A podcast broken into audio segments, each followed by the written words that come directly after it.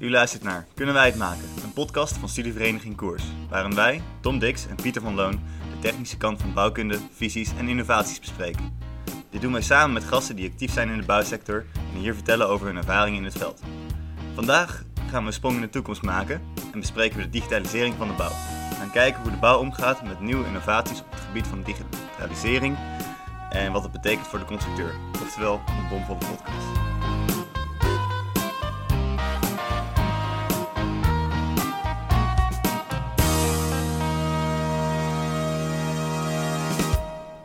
Yes, maar voor we dat doen, gaan we nog heel even reflecteren op onze vorige podcast. eh, onze aflevering met, eh, met Wim de Groot, onze houtdocent, Pieter.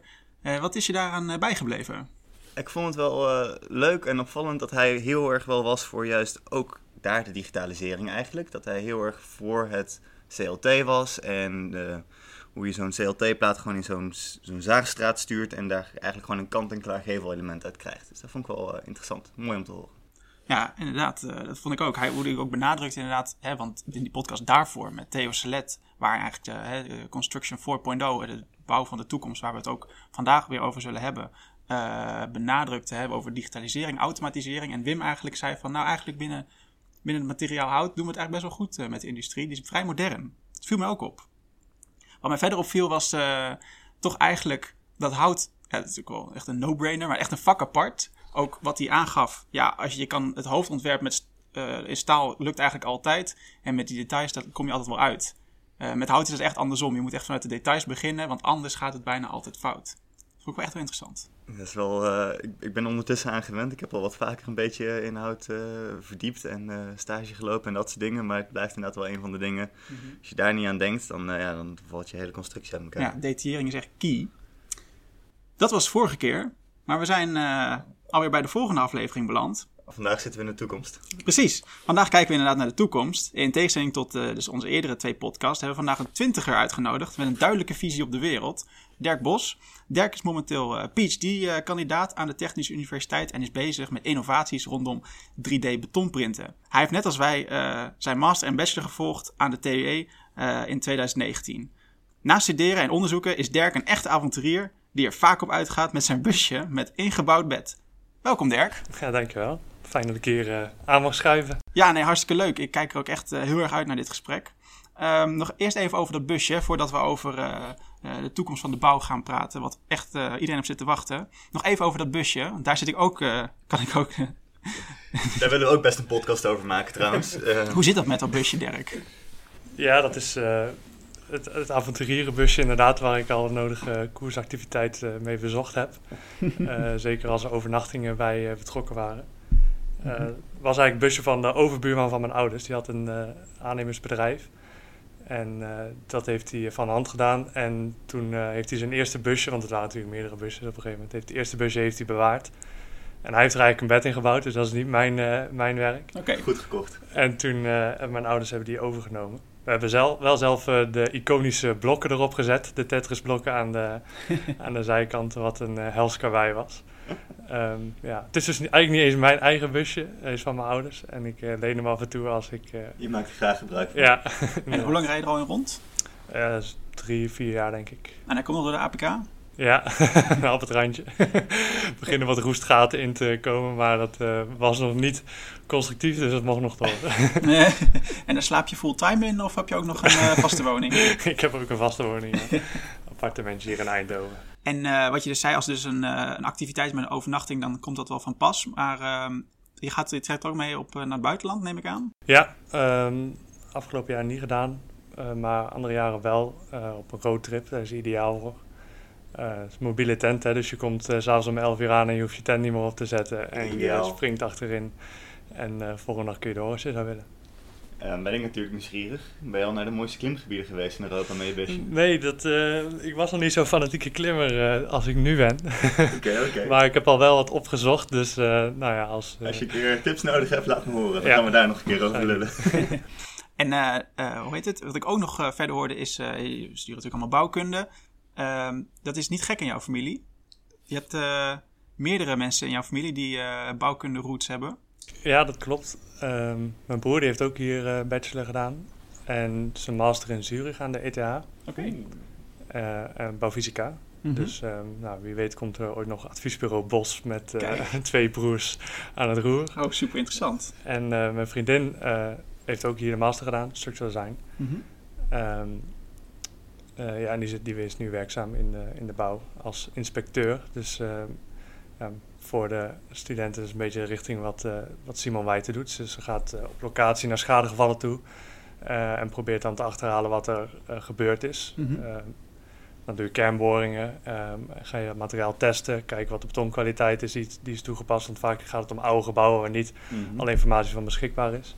Eh, en vervolgens moet daar een eh, berekening eh, worden gedaan om te bepalen wat, hoe het hersteld kan worden. Ja, dus ja, een beetje aan de andere kant in het verleden en ik zit dan iets meer in de toekomst. ja, precies. Want vandaag gaan we het dus hebben over de toekomst. En we gaan het hebben over digitalisering en dat soort dingen. En, maar om een beetje op te warmen, hebben wij altijd graag een vragenvuur. Wij stellen jou een vijftal vragen. En het idee is eigenlijk dat je gewoon heel kort en spontaan probeert te antwoorden. En dan achteraf gaan we wel een beetje kijken wat er nou echt aan de hand is. Ehm, maar ik zou zeggen... Ik ga mijn best doen. Precies. Kunnen we daar mooi mee beginnen om een beetje eh, gevoel te krijgen van wat er misschien gaat gebeuren vandaag. Eh, dan de eerste vraag. eh, parametrisch of eh, standaardisatie? Parametrisch. Eh, digitaal beton of digitaal hout? Digitaal beton. Een informaticus met kennis van bouwkunde of een bouwkundige met kennis van informatica? Een bouwkundige met kennis van informatica. Interessant. Eh, alles op de bouwplaats valt te automatiseren. Waar of niet waar? Niet waar. Bouwen met een levensduur van 50 jaar is bedoeld om de bouw in stand te houden. Waar of niet waar? Ook niet waar. Kijk. Interessant. Interessant. Nou, En nou krijg je de kans om uit te Ja, leggen. ruimte, ruimte voor nuancering inderdaad. De parametrische of standaardisatie. Ehm, ja, Ik ging inderdaad meteen voor parametrisch, dus dat is interessant. Eh, waar ik wel nieuwsgierig naar ben, waarom ik het zelf een leuke vraag vind, is... We hebben natuurlijk eh, momenteel eh, bijvoorbeeld een woningtekort. En in principe kan je dingen heel snel produceren als je heel erg systematisch en gestandaardiseerd eh, huizen gaat produceren. Ehm, Arjan Habraken bijvoorbeeld is bezig met zelf een heel erg gestandaardiseerde bouwmethode te ontwikkelen om heel snel constructies te ontwikkelen. Dus daarom ja. parametrisch of standaard. Nou, als je, als je gaat kijken naar, naar digitalisering in de bouw, dan, dan he- hebben ze het vaak over mass customization. Misschien hebben we het daar eerder ook al met Theo Salet over gehad. Eh, en Wim de Groot misschien ook al. Ehm, en, en dan is dat eigenlijk geen argument meer, omdat je dus eh, massa, massaal kunt produceren, maar ook nog elk onderdeel dat je maakt kunt customizen. Eh, Ja. en, en dan heb je eigenlijk geen reden meer om een standaard object te maken en daar de duizenden van eh, te produceren, omdat je elk object op maat kunt maken. En dan ja, moet je het wel parametrisch gaan ontwerpen om dat ook efficiënt te kunnen genereren. Als je, als je inderdaad gaat kijken naar mensen die het moeten modelleren en doorrekenen en dergelijke, dan moet je natuurlijk ook automatiseren, omdat je anders daar heel veel tijd aan kwijt bent. Ja. Ja. Dus die standaardisatie is eigenlijk ehm, niet ver genoeg in de toekomst kijkend eh, wat dat betreft. Ja, en, en op dit moment zou ik inderdaad zeggen dat standaardisatie een, een goede oplossing is, omdat je dan maar één keer hoeft uit te rekenen en één keer hoeft te modelleren en er dan een hele hoop van maakt. Ehm, en dan ben je heel erg efficiënt bezig. Ehm, maar ah, ja, ervan uitgaande dus dat je een productiemethode hebt, eh, zoals 3D-print of CNC of iets in die richting, ehm, ja, en, en je dat modelleer- en eh, eh, calculatieproces kunt automatiseren, dan is standaardisatie geen goede oplossing meer. Nou, heel goed, heel duidelijk. Eh, de volgende vraag was digitaal beton of digitaal hout. Ehm, waar jij natuurlijk voor beton koos. Ook een beetje logisch, aangezien jouw hele promoveren over eh, eh, beton gaat natuurlijk. Wa- Wat, hoe kijk jij naar hout? Eh, ja, het, het niet, ik koos er een beetje voor omdat natuurlijk mijn richting is, maar het is niet dat ik eh, niks zie in eh, digitaal hout of digitaal produceren van houten constructies. Ehm, ik, ik denk dat er voor allebei heel veel te zeggen is. Zeker op het gebied van duurzaamheid is er voor hout heel veel te zeggen. Ehm, en de reden dat ik beton eigenlijk interessanter vind, is omdat op dit moment wordt er heel veel met beton gebouwd. Eh, en de reden daarvoor is dat beton goedkoop is. En er zit veel Ja. kennis in beton al. Ehm, en daarom denk ik, daarom denk ik dat het eh, efficiënter is op dit moment om onze energie te steken in digitaal beton, omdat je daarmee sneller winst behaalt. Dus als je op dit moment gaat kijken als een. Nou, je moet me niet eh, vastpinnen op de percentages. Maar als, uh, als op dit moment 80% met beton wordt gebouwd, als je daar ook maar in jouw bouwmethode een fractie kan verbeteren, dan heb je gelijk een heel groot... Heel veel winst. Heel veel winst te pakken. Terwijl mhm. hout uh, is in die zin nog een stap verder, omdat we op dit moment niet veel met hout bouwen. Kun je wel één heel erg efficiënte mooie houten constructie maken, maar dat is er dan maar eentje. Mm Tegelijkertijd hebben we ook geconcludeerd uh, bij de vorige opname uh, bij, met Wim de Groot dat hout wel echt booming is mhm. in opkomst. zeker dat CLT. Ehm, en dat je ook juist kan zeggen, wat je ook net aangaf, ehm, er is gewoon veel meer kennis beschikbaar bij, uh, bij beton. Als we kijken naar hè, de eurocodes, dan is die van beton veel uitgebreider dan die van hout, veel volwassener ook volgens mij. Is het dan ook niet juist de taak om dat er meer vraag is om meer onderzoek naar in hout? Ja, nee, dat, dat, is een beetje een balans. Ja, ga je, ga je uh, hetgeen wat we al doen verbeteren of ga je aan iets volledig nieuws beginnen om dat helemaal te vervangen? Precies. Um, ja, ik, ik, denk ook zeker dat er een markt is voor, voor die CLT, zeker in, die, in de bestaande woningbouw uh, en, en de middelhoogbouw. Als je echt naar gigantische wolkenkrabbers wat ze in Dubai neerzetten, volgens mij ga je dan een beetje te ver weer. Mm -hmm. um, maar dat zijn, dat zijn binnenklimaten waar het hout redelijk beschermd is en daar uh, is het ook redelijk durable, hè? dus mhm. duurzaam in de zin van uh, levensduur. Mm -hmm. um, en ja, daarnaast zijn er ook nog een hele hoop situaties waar hout waarschijnlijk minder geschikt is. Zoals in wat extremere klimaten. Um, en dan ga je toch weer richting beton kijken. Dus uiteindelijk verwacht ik dat je altijd een combinatie hebt van verschillende eh, materialen en, en productiemethoden. Er is niet één mhm. oplossing voor alles. Uh, en, en, moeten we ook zeker in, in die houtindustrie verder gaan ontwikkelen en gaan digitaliseren om, om die toepassingen te krijgen. Ja, dat vind ik heel mooi. Dat is nu al de, de elk, hoe heet het? Elke, elke aflevering is nu al uh, wordt geconcludeerd van, uh, ook al wordt er, is, staat één materiaal vaak centraal, wordt altijd weer geconcludeerd, dit is niet het, per se het antwoord. Het antwoord is, uh, het beste materiaal is per toepassing specifiek. Ik ben wel heel erg nieuwsgierig eigenlijk, want ik weet eigenlijk niet eens wat je doet voor je, voor je PhD.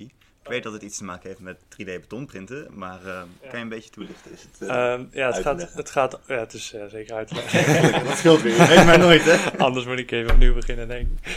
Um, het gaat over de, het waarborgen van de kwaliteit van het materiaal. Ja. dat, is, dat is eigenlijk het, het grote thema. Um, en daarbij focus ik me op het proces tussen um, de mixkamer en de nozzle, zoals we dat noemen, van de, van de printkop. Dus dat is eigenlijk uh, de fase waarin het beton eerst wordt gemixt. Vervolgens wordt het verpompt door een slang heen. In ons geval is die slang 10 meter, maar in de industrie zie je ook uh, langere slangen. En mhm. uiteindelijk komt het uit de nozzel en wordt het dan laagje voor laagje neergelegd. Um, en nou, dat proces van neerleggen van laagje voor laagje, dat is al onderzocht door Rob Wols. die is inmiddels gepromoveerd. Um, en ik zit eigenlijk net daarvoor. En uiteindelijk is het idee dat ik uh, modellen gaan maken waarmee we dat proces kunnen simuleren. En daardoor veel beter begrip krijgen van wat er nou precies gebeurt in die slang. En welke parameters zijn dan van invloed op onze materiaalkwaliteit. Ja, oké. Dus je zit heel erg in, uh, in de fase van het, uh, het, natte, het vloeibare beton dat gepompt wordt door die slang. En probeert ja. te kijken van blijft het nou ergens hangen of ja. hoe hoeveel nou, het al misschien zelfs, ja, ik weet niet. dat ook inderdaad. En, en ook aan de basis is, is er een, in dat, dat vloeibare beton heeft thixotroop materiaalgedrag. Uh, dat betekent dat het, als je het neerlegt met, uh, in rust, dan heeft het een bepaalde stijfheid. Dat is ook mm. de mhm. reden dat we het laagje voor laagje neer kunnen leggen en, en, een constructie kunnen bouwen. Maar op het moment dat jij er energie in brengt, dus het gaat mixen of gaat verpompen, dan wordt het vloeibaar. Nou, dat, dat gedrag gebruiken we eigenlijk om überhaupt te kunnen printen. Daarom kunnen we het eerst pompen en vervolgens kunnen we er mee neerleggen. Maar dat betekent ook dat uh, bepaalde geometrieën in je printer dat materiaal eigenlijk kunnen verstoren en het weer vloeibaar kunnen maken. Dus het is belangrijk om precies te begrijpen in hoeverre dat is en, en hoe vloeibaar je dat maakt om het vervolgens goed neer te kunnen leggen. ik kan me voorstellen dat je als uh, iemand die, die vanuit de constructie komt, uh, ik heb in mijn hele master tot nu toe alleen nog maar uh, statica gehad. En ja. uh, als ik het zo hoor, ben je best wel veel bezig ook met uh, vloeistofdynamica. Ja, en, ja dat is helemaal nieuw eigenlijk. -hmm. Heb ik mijn eigen, goed, eigen moeten maken. Ja. Mm -hmm. Je ziet wel vaak volgens mij dat zodra je gaat onderzoeken... en dan ga je natuurlijk op, op de grens van wat kunnen... wat weten we natuurlijk, dat hele idee van onderzoeken. En daar komt er heel vaak een ander kennisdomein bij kijken... die je even maar eigen moet maken. Ja. Hè, als je bijvoorbeeld maar even naar aardbeving gaat kijken... dan, moet je ook, dan is het alleen maar dynamica, dynamica. Ja. En wat je zei, Pieter, het is vooral statica. Die gebouwen staan vooral stil bij ons. ja. Gelukkig maar. Um, ik wil nog even uh, terugslaan op de vorige vraag, uh, want dat hangt ook meer samen volgens mij met het uh, hoofdonderwerp. Um, namelijk die stelling, alles op de bouwplaats valt te automatiseren. Vond ik heel interessant, daar heb ik ook lang over nagedacht. En je kan ook zeggen van, 99 procent. Misschien is dat een betere vraag. Hoeveel procent valt automatiseren door de bouwplaats? Ehm, ja, misschien, misschien iets van 80% of zo. Nou ja, nou, eigenlijk moet je aan, je kunt wel alles automatiseren, maar de vraag is of het efficiënt is. Precies. Dus eh, ik, ik denk dat je op een gegeven moment op een eh, ja, minuscule ding aan het, aan het doen bent waarvoor je een hele, helemaal een robot op de bouwplaats zou moeten krijgen om dat, om dat laatste schroefje erin te draaien. Terwijl als je zegt, Mhm. hier, ik doe het zelf wel even, dus klaar. Ja. Eh, dus ja, waarschijnlijk kun je wel bijna alles automatiseren, maar Mhm. Eh, de vraag is of je het moet willen. Ja, precies. G- Grappig genoeg, ik geloof dat eh, dat een probleem is waar eh, Tesla een beetje tegenaan loopt.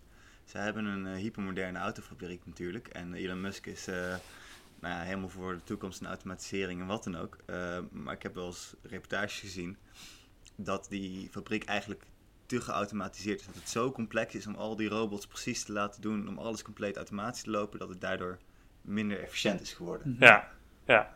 Ja, Daar Dus kan, je moet kan een ik me beetje iets van voorstellen. eh, ja. moet je proberen te vinden tussen wat kan een persoon die heel flexibel is nog even een beetje tussendoor Mhm. frotten. Ja. En, Maar volgens mij zijn er bij Tesla ook, het is niet volledig geautomatiseerd. Ik heb daar wel eens video's van gezien dat er ook, ook daar Ja. gewoon nog mensen de laatste paar schroefjes aan draaien of Mhm. hier en daar nog wat elektronica in elkaar klikken. precies ook het voorbeeld wat je net aanhaalt inderdaad. En volgens mij, ik heb het ook gezien, eh, een van die voorbeelden, wat echt heel makkelijk is, twee loshangende touwtjes die heen slingeren en die aan elkaar vastknopen.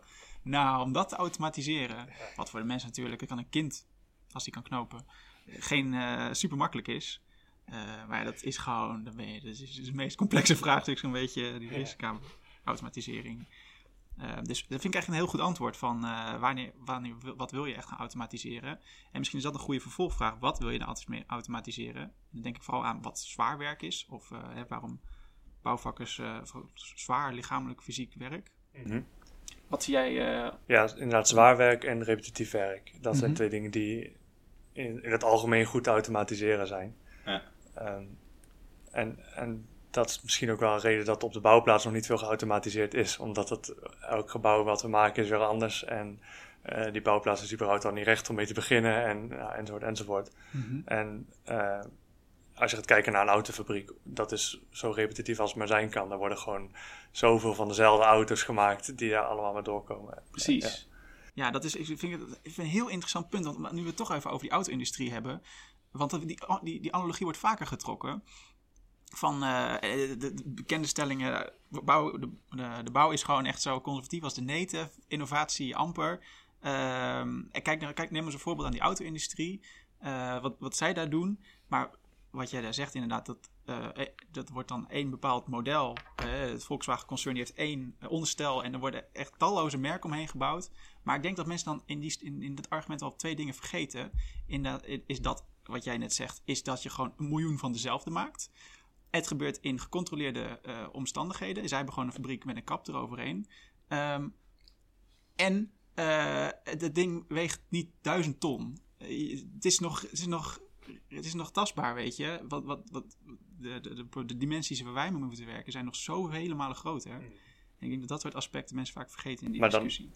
Moet je daar dan niet uit concluderen dat we als bouw ook zo'n soort productielijn op moeten zetten. In plaats van alles maar op de bouwplaats te willen doen. Mhm. Dat je op elementniveau eh, al die elementen gaat produceren.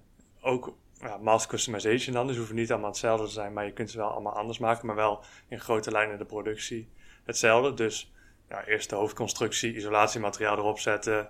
eh geveleleme- eh, gevelmateriaal er tegenaan.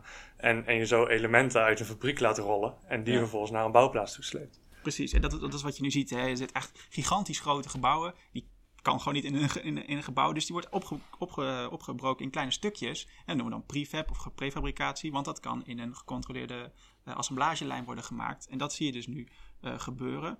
Dus in gecontroleerde omstandigheden. Elders klaarmaken. En dat hebben we ook gisteren geconcludeerd. In een rap tempo op de bouwplaats zelf eh, snel is, is, als, als Lego eh, in elkaar zetten. En dan eh, is mijn vraag ehm, is het in die vraag van wanneer op de bouw assembleren en wat kun je op, eh, op, ja, elders ver buiten de stad al maken?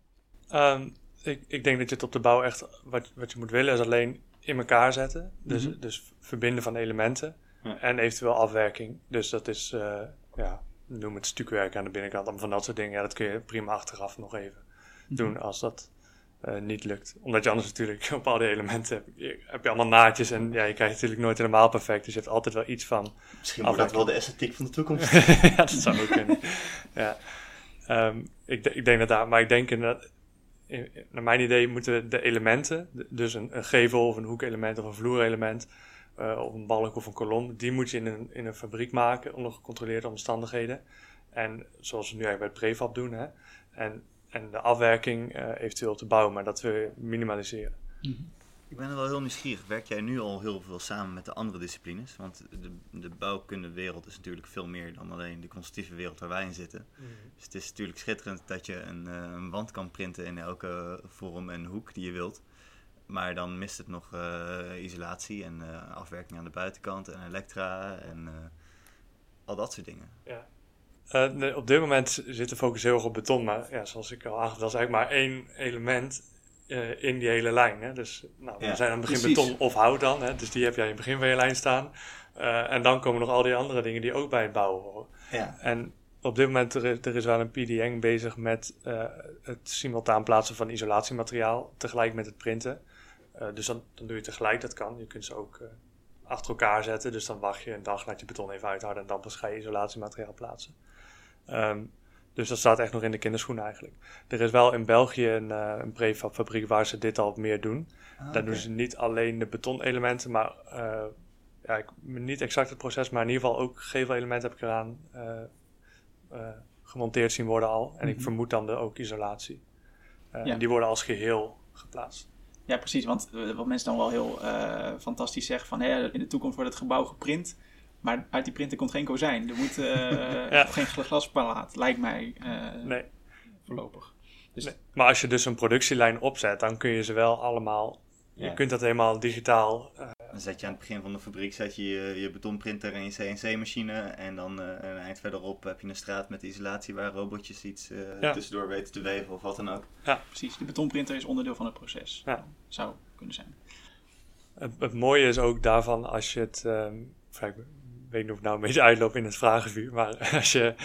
Uh, Zal het toch? Als je het in zo'n fabriek heel flexibel bent, hè, door zo'n zo'n ja, iets geavanceerdere productiemethodiek, kun je er ook meer neerzetten uh, dan nu het geval is. Dus dan neem je productie af, of je transportafstanden nemen ook af. Als je als fabriek uh, ja, alles kan produceren van een, een eetkamerstoel tot aan een, uh, een, een woonkamervloer, dan, dan kun je er meer neerzetten op meerdere plekken in de stad, omdat ze het toch allemaal kunnen. En kun je ja, meerdere aanspreken en heb, hoef je minder ver te rijden, in die, om simpel mm -hmm. te zeggen, om je elementen op locatie te krijgen. Oké. Okay. Wat ik ook heel interessant vind, en nu eigenlijk al licht concludeer uit, uit wat je zei, maar dat wil ik dan graag nog even ja, goed horen. De vraag dus of de betonprinter in de fabriek staat of op de bouwplaats gaat staan. Wat, ja. gaat, wat, wat heeft de toekomst, denk je? Ja, dan, nou, om deze reden dus denk ik in de fabriek. Mm -hmm. het controleren van, van je omstandigheden is daarbij is, is heel belangrijk. Um, zoals jullie misschien wel weten, dat beton is ongelooflijk instabiel in die eerste fase. Dus ja. als je een, ja, om maar iets te noemen, een, een briesje wind hebt, dan kan dat al een invloed zijn op, mm -hmm. je, op je kwaliteit. Ja. Um, een ander belangrijk argument is dat je prima, als je een printer neerzet, een, een muur kan printen. Maar een vloerprinter doe je meestal in een andere oriëntatie dan dat je hem uiteindelijk plaatst. -hmm. ja. uh, dus je print in, in de ene richting, vervolgens draai je hem 90 graden en dan plaats je je vloer. Dus als je je printer op locatie hebt staan, uh, limiteer je jezelf er eigenlijk mee. Precies. Kan natuurlijk moeilijk in de, in de lucht gaan printen. Ja, ja, dat wordt wel lastiger. Dan moet je weer een uh, ondersteuningsconstructie maken, maar dat is juist waar we vanaf wilden. ja. En dan kan je alleen nog maar domes en uh, koepels en dat soort dingen die zichzelf ondersteunen. Ja, ja, precies. Dat is niet zo handig. Nee. En wat je net zei ook, dat, dat is gewoon... Dat is, um, het is best wel een delicaat proces, hè, wat je eigenlijk zegt, heel gevoelig.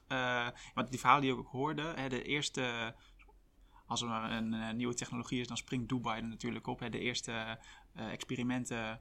En de, first printed house was natuurlijk in uh, Dubai, onder andere. En ik hoorde daar ook wel verhalen inderdaad van ja, die moesten ineens printen in een heel ander klimaat natuurlijk. Ja. Dat moesten, dat, dat zat had ook nogal ja, goed in de aarde. Ja, gigantisch warm klimaat en verdampt er al water uit je beton. ja. voordat het de kans heeft gehad om uit te harden. En dat is heel lastig om onder controle mm -hmm. te krijgen. Weer even terug over het parametersontwerp, want dat is ik vind dat ontzettend fascinerend en reet interessant. Uh, denk je dat uh, parametrisch ontwerp een goede totaaloplossing is? Dat je zeg maar altijd en zoveel mogelijk dingen in de parameters wil houden? Of denk je van, ja, dan krijg je zo'n spinnenweb aan, uh, aan dingen. Laten we nou gewoon drie, drie hoofddoelen pakken. Ja. En daarop houden en de rest zetten we vast. Ja, ja dat is een, zeker voor mensen die beginnen met parametrisch ontwerpen een veel gemaakte fout. De, door te zeggen, alles is een parameter. en uh, dan kijken we wat eruit komt. Ja. En meestal wil je inderdaad wel een aantal boundary conditions toevoegen om, een, om het nuttig te, te houden. En voor één of twee dingen maar te optimaliseren. Um, dus ik denk dat je uiteindelijk voor een hele hoop verschillende constructieonderdelen een eigen parametrisch ontwerptool krijgt, waarbij je zelf die mogelijkheid hebt om, om daarmee te spelen. Um, ja, ik, denk, ik denk dat het uiteindelijk in de, meer in de handen ligt van de ontwerper om, om, daarmee, om daar iets nuttigs uit te krijgen weer. Ja. Mhm. Dus iemand maakt de tool en die moet zelf de mogelijkheid hebben om eh, te, ja, te kiezen wat zet je vast en wat laat je los. En, uh, en de ontwerper maakt er uiteindelijk echt iets mee. Je noemde het net al even, uh, subtiel. Maar wat natuurlijk ook een van de uitdagingen is, is heel leuk dat je een parametrisch ontwerp hebt. En dan kan je natuurlijk op mee optimaliseren. En optimaliseren is top, want dan wordt het beter. Maar ja, um, voor zes dingen tegelijkertijd optimaliseren is natuurlijk uh, niet te doen. Niet te visualiseren. Het ene hangt altijd af van het ander.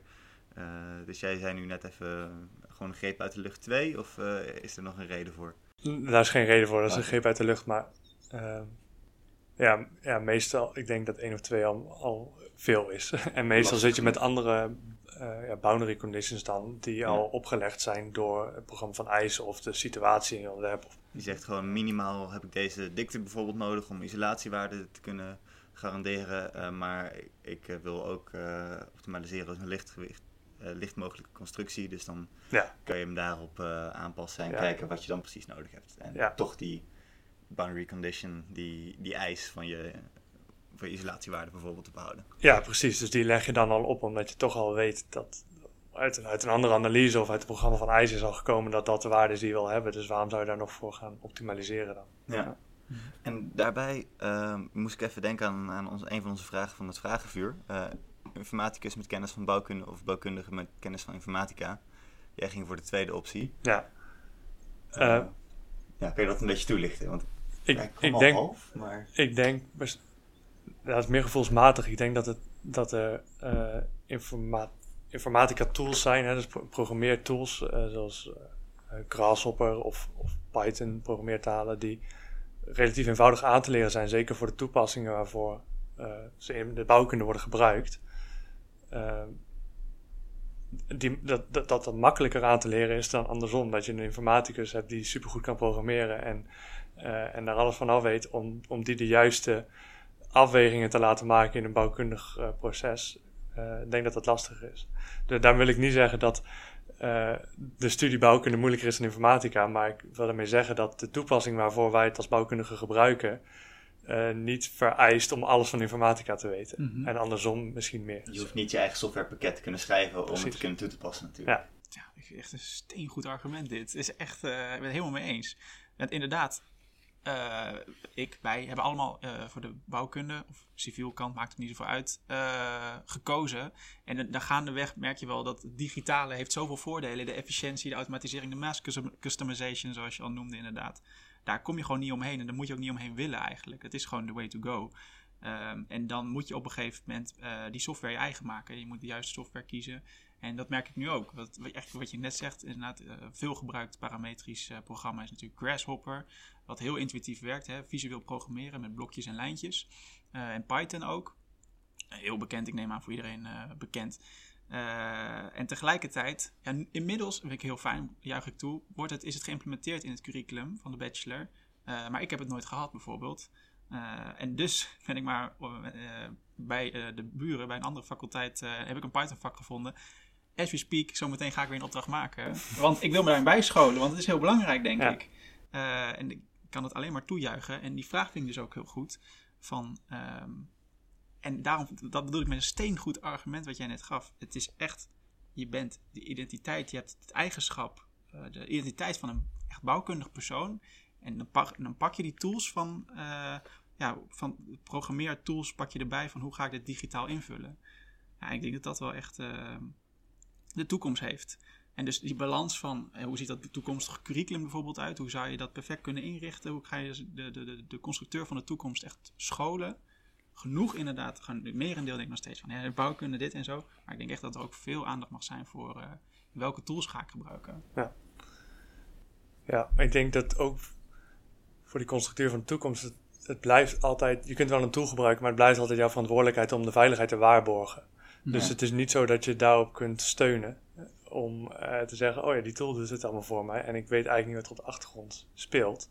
Want als het fout gaat, dan is het wel nog jouw verantwoordelijkheid. En ik denk dat dat in de, ba dat is in de basis de verantwoordelijkheid van de constructeur om, om de veiligheid van het gebouw te waarborgen. Precies. In eerste instantie moet je altijd nog een gevoel hebben om te kunnen weten van oké, dit gebeurt er. De uitkomsten die ik nu krijg uit dit optimalisatieprogramma, die, mm -hmm. Die, die, die begrijp ik. Die ja. kan ik inzien. Ja. Altijd onderbouwen met een handberekening. Hè? Gewoon ernaast kunnen leggen en dat gewoon op boerenverstand eigenlijk. Uh, ja, dat het. Uh... En ben je zelf ook wel een beetje begonnen in de wereld van het programmeren? Dus heb je zelf ook. Uh, Tom is nu in de, in de Python aan het, aan het duiken. ja, ik, ik heb in mijn opleiding met Grasshopper begonnen ook in het uh, derde jaar van de bachelor met uh, dat uh, bachelor eindproject. Dat heb ik in de master nog wel eens gebruikt. En tijdens mijn afstuderen ben ik met MATLAB begonnen. Het, het mm -hmm. broertje van Python eigenlijk. Ja. qua, qua complexiteit ook. is dat denk ik een goede vervolgstap. Dus stel dat je er interesse hebt, zou ik inderdaad naar Python of MATLAB gaan. Mm -hmm. Het voordeel van Python is dat het gratis is. Precies. en het voordeel van MATLAB is dat er al iets meer tools zijn ingebouwd dan bij Python. Dus exact. dat is een beetje de afweging die je daarin moet maken. Ja. Mm -hmm. ja, dat is, ik heb ook een klein beetje met Python gedaan, maar dat is niet, niet heel erg noemenswaardig. Op dit moment is dat nog voldoende voor mij. als je inderdaad, wat jij al zegt, echt je eigen software wil gaan schrijven en daar wat meer snelheid in wil behalen, dan moet je richting uh, nog een stapje hoger gaan en weer een andere programmeertaal. Dan moet je nog even een andere opleiding erbij nemen, misschien zelfs wel. Ja, zelfs dat. Ik heb wel mensen die doen die dat ook gewoon, ook gewoon weer oppakken met C-Sharp of uh, C++. Mm -hmm. um, ja, dat, zelfs dat lukt ook wel. Ja, dat is natuurlijk wel even doorbijten, maar ja. daar kom je ook wel uit. Ja, en daar ben ik ook nog wel even nieuwsgierig, want je hoort het vaker van programmeren. Dat is een van de dingen die, uh, die toekomstige bouwkundigen of constructeurs nodig hebben. En denk ik, oké, vet. Um, en nu? Waarom? Wat moet ik ermee? Wat kan ik ermee optimaliseren? Grasshopper heb ik nu een beetje mee gespeeld. Het is leuk. Het is heel in, uh, ja, intuïtief. Je ramt een paar blokjes aan elkaar. Je krijgt meteen een paar lijntjes op je beeldscherm. Je schuift met een slider. Je ziet dat de lijntjes veranderen. Er komen er, in plaats van drie kolommen heb je opeens tien kolommen. Uh, om het zo maar te zeggen. Je kan heel makkelijk spelenderwijs een ontwerp maken programmeren voegt weer een flinke stap abstractie toe. Waar ik persoonlijk niet weet waarom, wanneer en hoe ik hem wil gebruiken. Ja, ik denk, ik denk dat het moment uh, dat je wil afstappen van Grasshopper en wil overstappen naar een andere programmeertaal, is dat je niet meer lineair programmeert. Dus Grasshopper werkt lineair. Dat betekent dat elke uh, stap zeg, zeg maar, in de tijd elkaar opvolgt. Hè. Dus ik, als ik een lijn wil tekenen, begin ik met een punt. Nou, eigenlijk als ik een punt wil maken, begin ik met drie coördinaten. Dan maak ik een punt van. Dan maak ik een lijn van. En dat en, enzovoort. enzovoort. Mm -hmm. En zo bouw je hem helemaal op. Als jij wil gaan, uh, eigenlijk niet lineair wil gaan programmeren. Dat betekent dat je een aantal for loopjes of while loopjes wil doen. Dus eigenlijk zeg je, ja, dat punt hangt af van iets in de toekomst of iets in het verleden wat ik nog niet heb. En dan moet je gaan loopen om eigenlijk iteratief de oplossing te vinden. Als je op dat moment aan bent, dan moet je naar een, uh, naar een van die andere programmeertalen. Mm -hmm. En die werken wel iets minder intuïtief, maar daar kun je ook gewoon dingen in plotten. Um, ja. Dus als je daar ja, wiskundig, om het zo maar even te noemen, wat, uh, wat lijnen hebt gedefinieerd, mm -hmm. kun je die ook wel even plotten om te zien of het inderdaad een beetje klopt. Ja. Dus, dus die, uh, die optimalisatie voor die iteratieve processen ja, voornamelijk. Ja, dan moet je gewoon overstappen naar, naar een andere programmeertaal. Fantastisch antwoord weer. Ik, uh, helemaal mee eens. Uh, ik heb het zelf ook nog nooit zo uh, ingezien. En het leuke trouwens ook is, hè, sluit elkaar ook niet uit. Hoeft niet Py of, uh, Grasshopper of Python te kiezen. Wat leuk is, Grasshopper heeft allemaal componentjes. Ook een Python componentje. Ja. dus je kan in principe echt, dat, dat maakt het leuk, want de mogelijkheden zijn gewoon eindeloos. Ja. En al die componentjes die gewoon beschikbaar zijn, dat zijn dan eigenlijk voorgeschreven Python scriptjes. Ja. Hoe grappig is dat? Ja, dus eigenlijk wat je zegt is op het moment dat je vastloopt in je Grasshopper script, kun je een Python componentje in Grasshopper gebruiken om dat iteratieve proces te gaan scripten. Ja. Dus eigenlijk wat dat betreft echt sky is the limit. Uh, en dat kent natuurlijk voor- en nadelen. Wat ik nog even terug te komen weer om het lijkt wel of het echt het parametrische ontwerp uh, show begint te worden. Maar dat maakt me niet uit, want het is hartstikke boeiend. Ehm, namelijk, parametrisch ontwerpen is een vorm van ontwerpen. Het is je vormgeving, lijnenspel, is in de aard niet wat de constructeur natuurlijk doet. Onze studie heet constructief ontwerpen. Dus ook weer wel, maar vaak heb je toch liever de architect die natuurlijk de, echt de, de, de, de daadwerkelijke dimensie bepaalt en de verhoudingen. En wat ik dus gisteren zag, wat fantastisch interessant vond, was dus een college, een gastcollege, uh, waarbij voorbeelden werden laten zien van een constructeur die dus alle technische rekenkennis dus borgde in dat onderwerp en vervolgens de schuifjes aan een andere persoon liet. Dat was het product eigenlijk. Ja. En ik denk dat dat ook echt de toekomst wordt. Ja, dat is inderdaad een hele interessante toepassing. Je ziet ook veel architecten die zelf ook wel met parametrisch uh, ontwerpen bezig zijn. Maar wat er dan vaak mist inderdaad, is de constructieve logica. Mhm. en, en dan wordt er wel een Karamba-tool of iets overheen gegooid van... Uh, kijk, er is iets van een berekening gedaan. Maar Mhm. ja, als je daar even goed naar kijkt, dan klopt dat meestal niet. Ja. Dus dit zou inderdaad misschien de mogelijkheid zijn om, die, om dat allemaal... Uh, vast te leggen in dat ontwerp, in, in een parametrisch model en het dan uh, door te schuiven naar Precies. een architect en zeggen dit is wat er kan. En dan word je toch per ongeluk weer bijna programmeur, want dan ben je eigenlijk je, nou, de boundary conditions van de constructeur ben je dan heel mooi aan het vormgeven met een paar mooie visuele dingetjes om, uh, om iemand anders mee te laten ja. ontwerpen of te gebruiken. Dan schrijf Ja. jij de tool als het ware. Ja. Um, de, wat natuurlijk ook nog wel erachter zit, is dat als, zo'n, als even dit aannemen hè, en een architect die neemt zo'n Mhm. model en die gaat er iets moois mee maken, dat betekent natuurlijk nog niet dat dat dan een hele efficiënte constructie is. Nee. Dus als je die schuiven allemaal helemaal naar rechts zet Ja. om te zeggen dit is het allermooiste, dan zeg je ja oké dat kan wel, maar het is niet Precies. het meest efficiënte. Dus dan zit er natuurlijk nog wel, en dat is constructief ontwerpen, dat je uh, ja, een aantal aanpassingen daarop maakt om het toch ook nog constructief efficiënt te maken. Dat is natuurlijk sowieso ons vakgebied, is een en al uh, samenwerking en integratie met andere disciplines. Ja. Dus je moet continu uh, ja, blijven praten, denken, meedenken, uh, compromissen maken. uh. Ja. Absoluut, inderdaad, dat compromis inderdaad. Maar nog even op in te haken wat je zei, dus dan gaat het schuifje helemaal naar rechts. Maar dat is ook het mooie volgens mij, want je geeft het kant-en-klare product eigenlijk van hier. Dit is, zijn alle mogelijke ontwerpvarianten, maar ik heb wel het domein van die slider bepaald. Ja. Dus dit is mogelijk allemaal. En daarin mag jij, dit zijn de keuzes en dan mag je kiezen. Ja, maar ook binnen dat domein zijn natuurlijk, is de ene keuze nog steeds wel optimaler dan de andere. Precies. Dus daar zitten nog steeds ook, uh, moet, ook, moet je ook als constructief ontwerper nog een keer Mhm. naar kijken van ja, kunnen we niet één tikje naar links doen en hebben we dan in één keer 20% materiaal bespaard. Ja. Ja. en dat is dus die kracht, hè? omdat je dus zo iteratief bezig kan zijn. Want hup, één, één, één uh, stapje naar rechts of naar links inderdaad. En alle Unity checks zijn bij wijze van spreken doorgerekend. Ja, en dan kun je natuurlijk super dynamisch aan de slag gaan. En als we nog één stap verder mogen gaan, en wat dat zijn, dat mag in deze aflevering, want we hebben het over de toekomst volgens mij, is natuurlijk, als we het over toekomst hebben, dan, moet, dan hebben we natuurlijk een VR-bril erbij. Dat je dus die architect, bij wijze van spreken, in die virtuele te, gebouwen, te bouwen gebouw staat. En dat handmatig in zijn VR-gebouw uh, de dimensies mag gaan aanpassen. En Ja. in real-time op de achtergrond dus uh, door ons wordt gecontroleerd of het... Uh, of het gebouw ook real-time instort dan. Ja. Simulatie erbij, architect helemaal in paniek. Oh. Rent uit dat gebouw. ja, dat, dat lijkt mij echt de toekomst. Ik en dan weten, bouwen we Inception. ja, dus uh, volgens mij wat dat betreft, uh, nogmaals, sky is the limit. En dan is rekenkracht uh, een beetje de, de, beperkende factor, maar dat gaat ook... en dan hebben we wel meer nodig dan de laptopjes die we, waar we nu mee spelen. Ja, maar alles wordt efficiënter. Dus ik, ik, ik zie echt een prachtige toekomst tegemoet wat dat betreft. Nog e één ding wat ik echt wil toevoegen, wat ik even wil noemen. Want dit, uh, dit concept verzin ik niet ter plekke, want dit heb ik ook gewoon weer gestolen of LinkedIn, uh, op LinkedIn gezien.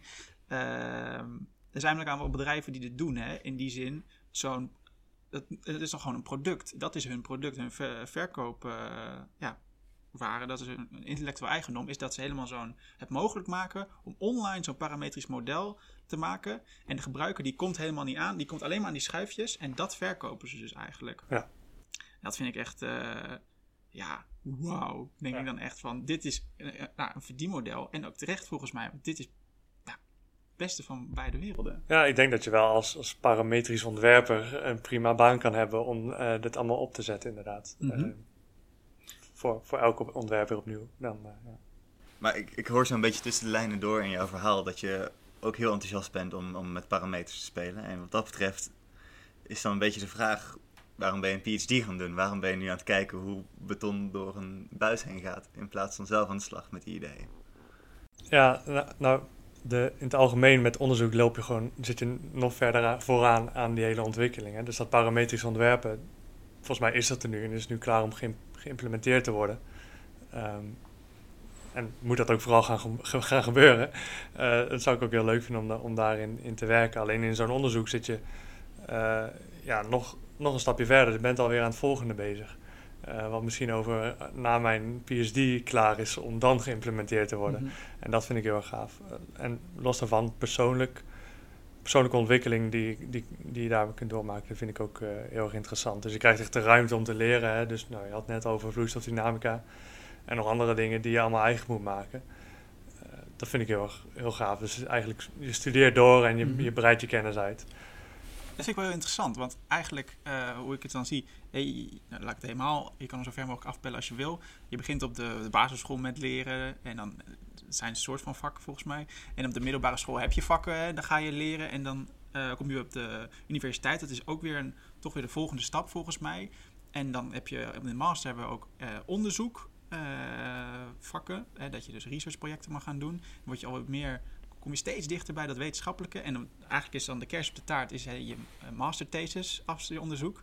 En daar houdt het voor velen op. Maar je, dan heb je nog weer een vergrotende stap natuurlijk. Dat is echt het onderzoek, de onderzoek en PhD doen. Ja. En hoe, hoe is dat voor jou, wat je zegt het over persoonlijke ontwikkeling? Hoe extra verrijkend is dat? Ja, ongelooflijk. Het is het, het, uh, wat, wat wel het verschil is, dat je krijgt minder vakken. Je, mag, je kunt vakken volgen aan de universiteit als je dat wil. Oké. Okay. Uh, maar in principe ben je meer uh, zelf aan het proberen ook en aan het onderzoeken. Het is, vergeleken met een master ben je dus meer tijd met je projecten kwijt en minder met de, met de vakken. Mm -hmm. um, dus, dus daar die balans ligt wel iets anders. En je bent dan dus iets meer op jezelf aangewezen om uh, ja, zelf de juiste bronnen te vinden online en, en het daar, op basis daarvan allemaal te doen. Ja enorme verantwoordelijkheid. Niet per se, want je wordt steeds minder aan bij de teugels gehouden. Ja, meer discipline heb je, heb je mm -hmm. voor nodig. En de tijd wordt ook gewoon lang, hè? Want de basisschool is, die, is de spanningsboog dan uh, vijf seconden. En dat, dat rekt maar op. En een PhD is gewoon vier jaar, hè? Ja, dat klinkt langer. Er zitten natuurlijk allemaal mijlpalen tussendoor. Hè? En je, mm -hmm. en je maakt een plan ook zo dat je... Uh, je werkt aan meerdere dingen parallel, zodat je niet altijd hetzelfde aan het doen bent. En op een gegeven moment wil je ook dingen kunnen afronden. Dat je zegt, nou oké, okay, dit is het doel wat ik heb voor dit stukje van mijn PhD. En op een gegeven moment is dat ook af. Dus eigenlijk kun je het meer, misschien, moet je misschien meer zien als een aantal afstudeerprojecten die parallel lopen, die, waar je allemaal een beetje aan werkt, wat dan samen één PhD vormt. Mm -hmm. ah, okay. ja. Dat is wel fijn, dan kan je af en toe even die mentale check. ja. Ik heb weer iets, uh, iets af. Ja, inderdaad. Of als je ergens helemaal op vast zit en dan kun je even aan iets anders werken. Dat is ook fijn. Mm -hmm. ja. En heb je al een visie voor jezelf wat je wilt doen na je PhD? Of is dat uh, is ja. nu gewoon focus op waar je mee bezig bent en dan zien we wel weer verder? Uh, nee, ik denk er wel over na, maar het is nog wel ver weg. Maar het lijkt me wel leuk om een, uh, een, een, klein adviesbureau te starten. Ik weet niet of ik dat direct na mijn PhD wil doen. Mm -hmm. Uh, klein in de zin van misschien met twee anderen of zo. Dus je met, met drie mensen. ja, familie inderdaad. Cirkel rond. Ja. Uh, en het lijkt me heel erg leuk om en dan die expertise uit de PhD te gebruiken om advies te geven. Nou, in dit geval zou het dan zijn over hoe zet je een goede printer neer en, mm -hmm. en welke parameters zijn er van belang. Uh, dat simulaties gaat draaien voor verschillende printers en dat kunt gaan optimaliseren. Overigens, wou ik, wou ik net eigenlijk al zeggen, maar een van mijn doelen met mijn PhD is om met die simulaties weer een parametrisch model op te zetten. Zodat je parametrische print, printer kunt gaan optimaliseren. Dus het is niet helemaal uh, verdwenen. Ja. Wow. Het, het, verschil is dan dat je die berekeningen duren veel langer. Mm -hmm. um, dus je moet gewoon een hele hoop berekeningen klaarzetten en al die parameters gaan uitproberen. Uh, en daaroverheen fit je dan weer een, een curve. En dat is dan je parametrisch model. Om, om hem echt snel te kunnen maken, dat je echt parametrisch ding, aanpassingen kunt zien en invloed kunt zien, moet je dus eigenlijk al die simulaties al van tevoren gaan draaien. Ja. En dan heb je daarna een parametrisch model. Hm. Hey, onze vorige opnames, dat waren met docenten en uh, die waren al wat ouder, die hadden gewoon meer ervaring, dat ook een loopbaan. Die hebben zowel dus de onderwijskant als de, uh, de, de, commerciële bedrijven, de adviesbureaus uh, gezien.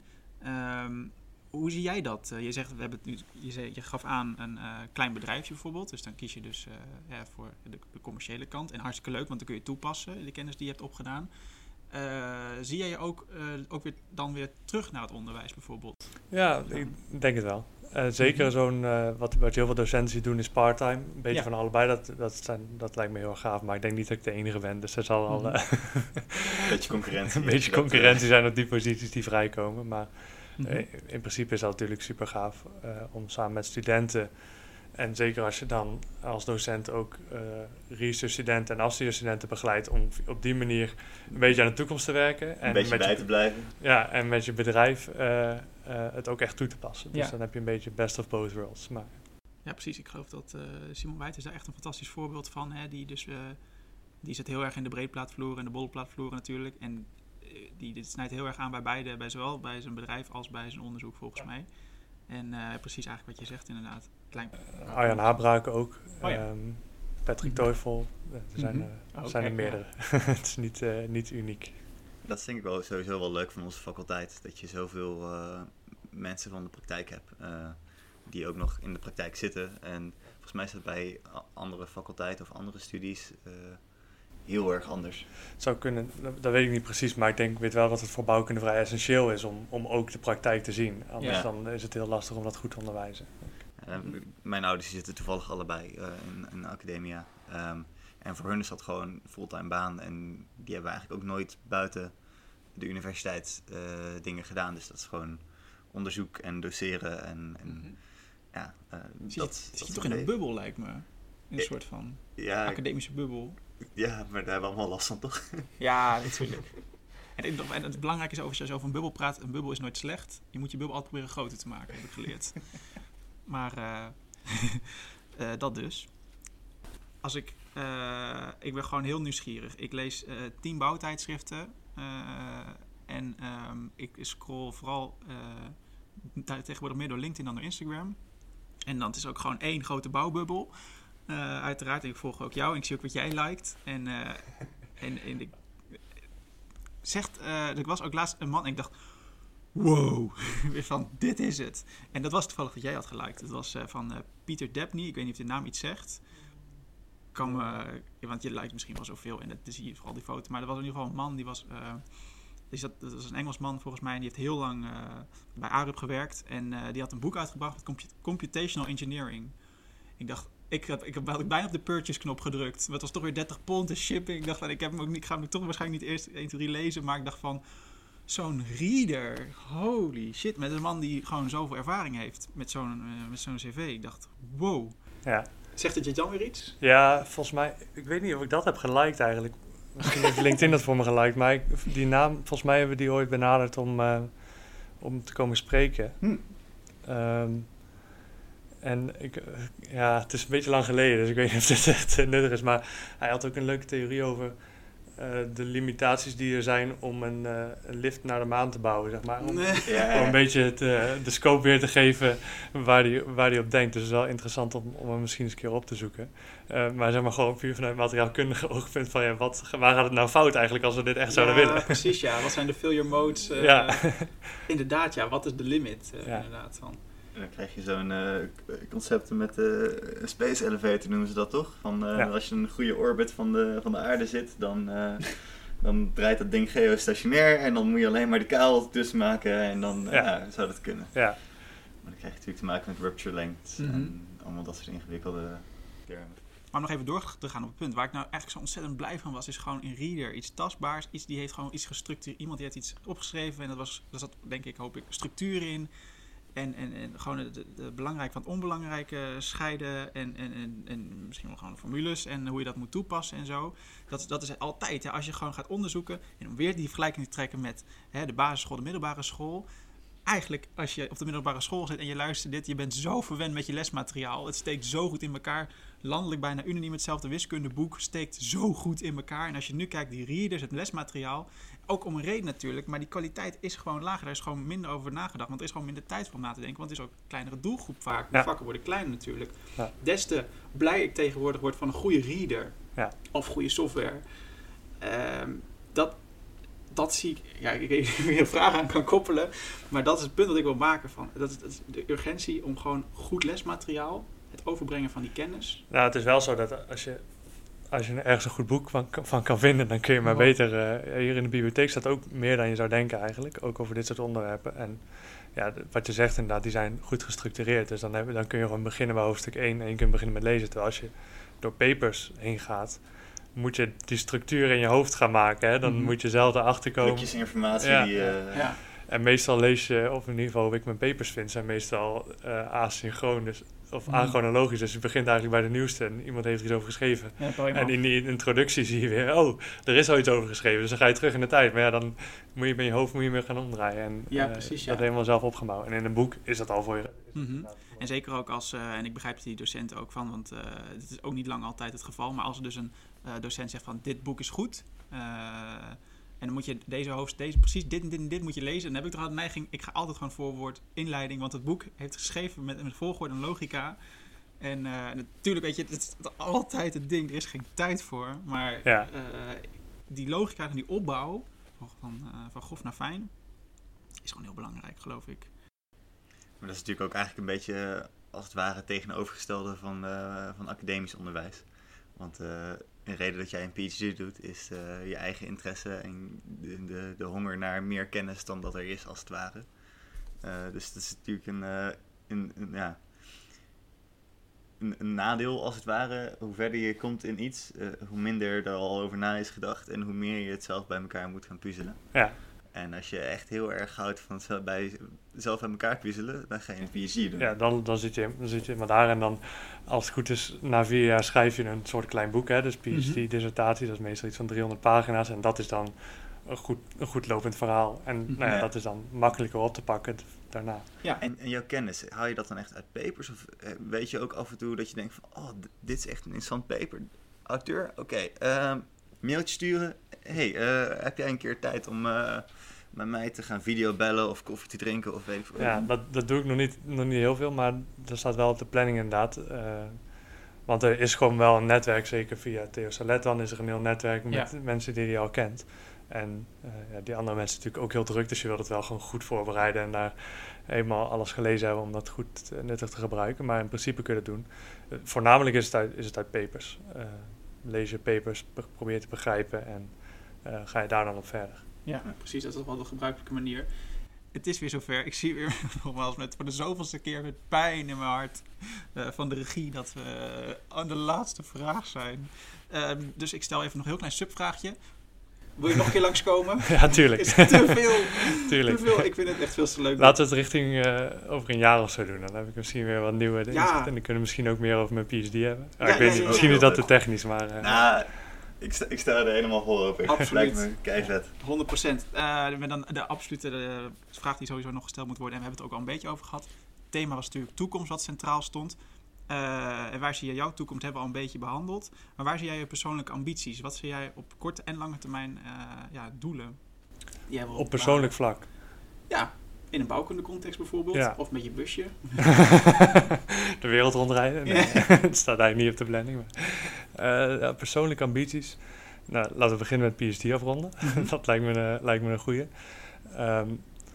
ik, ja, dat, dat starten van een eigen bedrijf. En dat is ja, wel echt nadrukkelijk een klein bedrijf. Want ik, ik- het lijkt me niet interessant om richting managementfuncties en, en die dingen af te, Ja. af te dwalen op het moment dat het bedrijf aan het groeien is. Dus nadrukkelijk echt eh, klein vind ik heel erg interessant. Ehm, eh, en, en dan dus op die manier misschien mijn kennis eh, ook te kunnen uitbreiden. En eh, ja, hopelijk eh, ooit in de toekomst dan weer terug eh, richting het onderwijs.